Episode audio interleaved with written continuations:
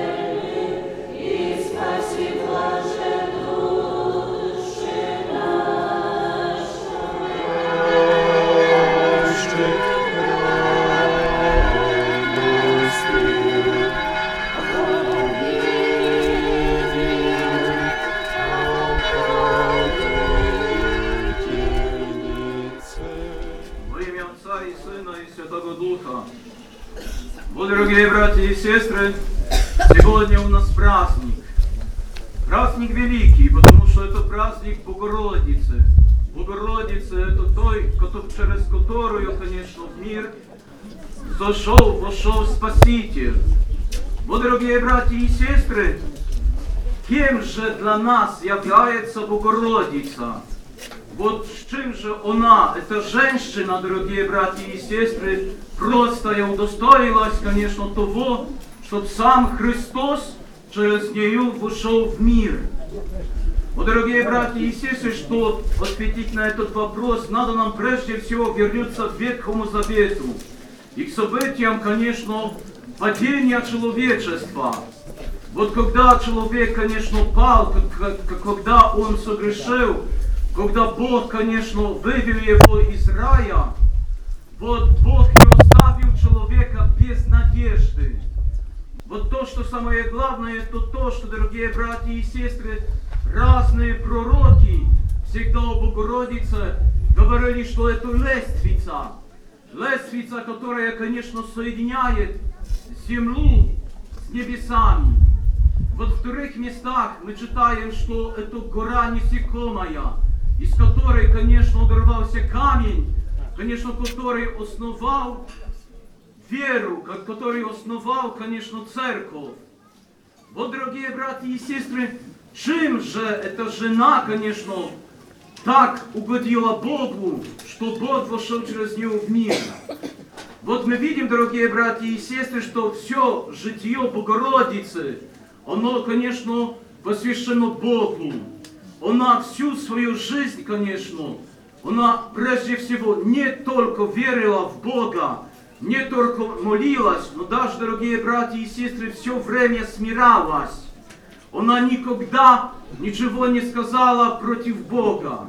Вот, дорогие братья и сестры, когда мы видим праздник Благовещения Богородицы, мы слышим, когда ангел приходит к ней и говорит, что из тебе, что тебе воплотится ребенок, конечно, речешь имя ему Иисус. И она даже не говорит, как же этот может быть, что без мужа. Она смиряется, она говорит, ты так рек, пусть так будет. Вот, дорогие братья и сестры, мы видим великое смирение, которое истекает из этого человека, из этой жены. Вот, дорогие братья и сестры, всю жизнь она, конечно, рыдала. Она, конечно, конечно, смутилась тем, что она знала, для чего пришел Христос в мир и какая будет его кончина. Мы часто видим на иконах, которые представляют праздники, что она грустная.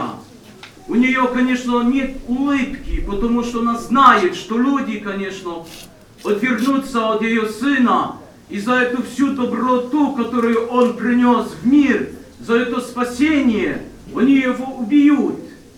Вот, дорогие братья и сестры, что же мы можем сказать о Богородице теперь, когда, как мы можем сказать, ей нет между нами? она, конечно, на небесах. Вот, дорогие братья и сестры, то, что самое главное, это то, что мы сегодня празднуем память одной из, кажется, 700 икон Богородицы, иконы казанские. Вот, дорогие братья и сестры, типология икона говорит нам о трех типах иконы. Вот то, что Богородица нам все время через свою земную жизнь учила нас, она даже и теперь нам, нас учит. Вот первая икона, дорогие братья сестры, это Оранта. Это икона, где Богородица руки свои поднимает вверх. Она учит нас веры. Она учит нас молитвы к Сыну Своему, во-первых. Вот вторая икона, дорогие братья и сестры, это Одигитрия. Икона, где Богородица держит ребенка на руках и одной рукой показывает на него. Одигитрия, это, дорогие братья и сестры, путеводительница. Та, которая показывает нам путь. Путь, которым мы все должны, конечно, идти. Она показывает нам даже надежду, где мы должны полагать, где мы должны искать этой надежды. У ее сына, которого она держит на руках и показывает на него. Третий тип иконы, дорогие братья и сестры, это Элеуса. Икона, на которой Богородица держит ребенка на руках, и, конечно, лицом прикасается к нему. Элеуса, то есть любовь. Она показывает нам третью добродетель, которая должна исполнять нас всех. Любовь. Любовь, которой в сегодняшнем мире нет много. Люб- любви, без которой, дорогие братья и сестры, весь мир падает, весь мир соблазняется. Богородица показывает нам, что любовь, она отчиняет нас, нас всех на Бога. Мы, дорогие братья и сестры, православные христиане, и все христиане, дорогие братья и сестры, мы нашим житьем должны давать свидетельство, свидетельство веры, надежды, любви. Мы должны, дорогие братья и сестры, как наша мать, как наша мать Богородица, та, которая, конечно, приняла нас всех под свой омофор, та, которая, дорогие братья и сестры, всегда молится за нас. Не с дня, когда бы она не возносила молитв за нас к своему Сыну, за нас падших к своему Сыну. И вот, дорогие братья и сестры, мы все должны помнить о нее. Мы все должны, дорогие братья и сестры, возносить свои молитвы к Нему, к нее. Почему? Потому что, дорогие братья и сестры, который сын не слушает своей матери, мы имеем много свидетельств, что, дорогие братья и сестры, по молитвах к Богородице Христос помогал спасаться людям. Христос помогал, конечно, избегать, побеждать свои страсти, побеждать свои слабости по молитвах своей матери к Нему. Поэтому, дорогие братья и сестры, это так важно, чтобы наше житье исполнялось молитвой к Богородице, к нашей матери, той, которая, конечно, стала выше нас всех, тот, которая, конечно, количестве двух тысяч лет только одна женщина была настолько способной, настолько благодатной, что бесплотный Бог, конечно, пошел через нее в мир. Только она, дорогие братья и сестры. Поэтому мы должны, конечно, следовать за нее.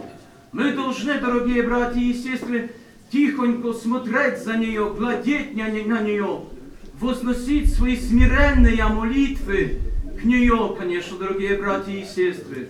Вот мы должны помнить об этом, что мы здесь, в мире, дорогие братья и сестры, мы не только для того, чтобы сами спастись, мы не для того, чтобы эгоистически, конечно, думать только о своем спасении. Мы, во-первых, дорогие братья и сестры, должны давать пример для всего мира и прежде всего своими делами, не словами. Делами, дорогие братья и сестры, давать свидетельство нашей веры в Иисуса Христа, в Его Мать. Мы должны своей любовью направлять весь окружающий мир. Это, дорогие братья и сестры, задача нас здесь живущих. Весь мир, он беснуется. Весь мир, он даже бросает веру в Иисуса Христа. Он бросает любовь. Он предлагает нам, конечно, эгоистический взгляд на все. Что все должно быть для меня. Все должно быть по моему мнению. Все должно быть по моих помышлениям. Это, дорогие братья и сестры, вообще не так. Все должно быть по воле Божией. А мы, так как Божья Мать, должны тихонько говорить, Господи, ведь Ты так сказал, Ты мне так посылаешь, дай мне силу, пусть так будет. И тогда, дорогие братья и сестры, в наших житиях никогда не будет никакого суеверия, в наших житиях никогда не будет уныния. Наше житие, конечно, всегда будет исполнено любовью. Вот от чего нам, конечно, дорогие братья и сестры, треба больше, чем любви Бога и Его Матери к нам? Ничего.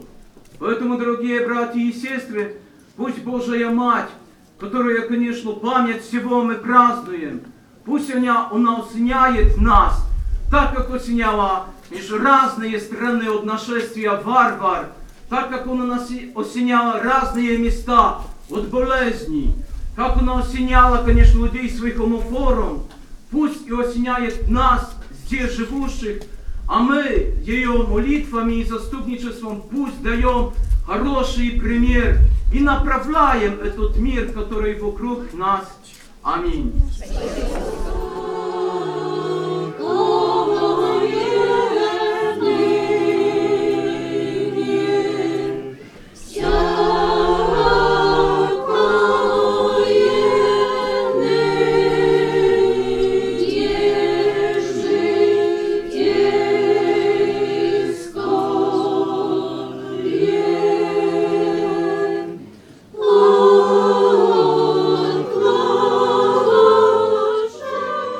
Являюсь регентом хора в церкви Святого Великомученика Дмитрия в Гайновке.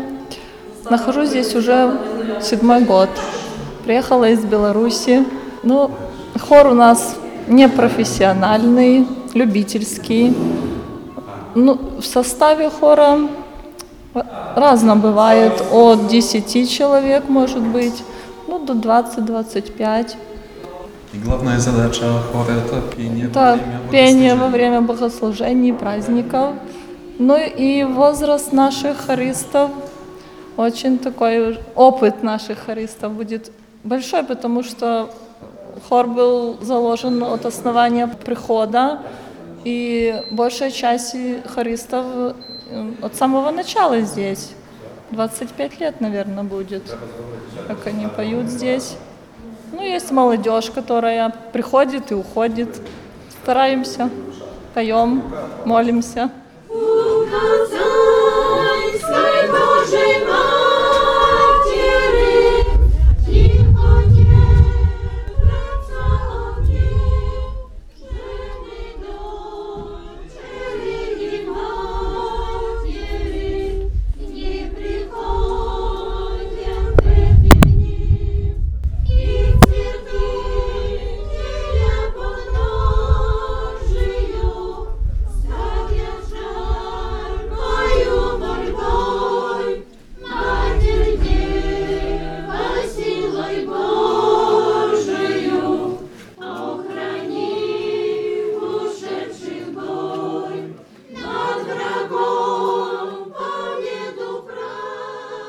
Liturgie odbywają się regularnie co drugą niedzielę i rozpoczynamy e, od w tym okresie radości paschalnej. Pierwsze nabożeństwo jest zawsze, pierwsza święta liturgia jest zawsze w niedzielę Żeń Mierenosic.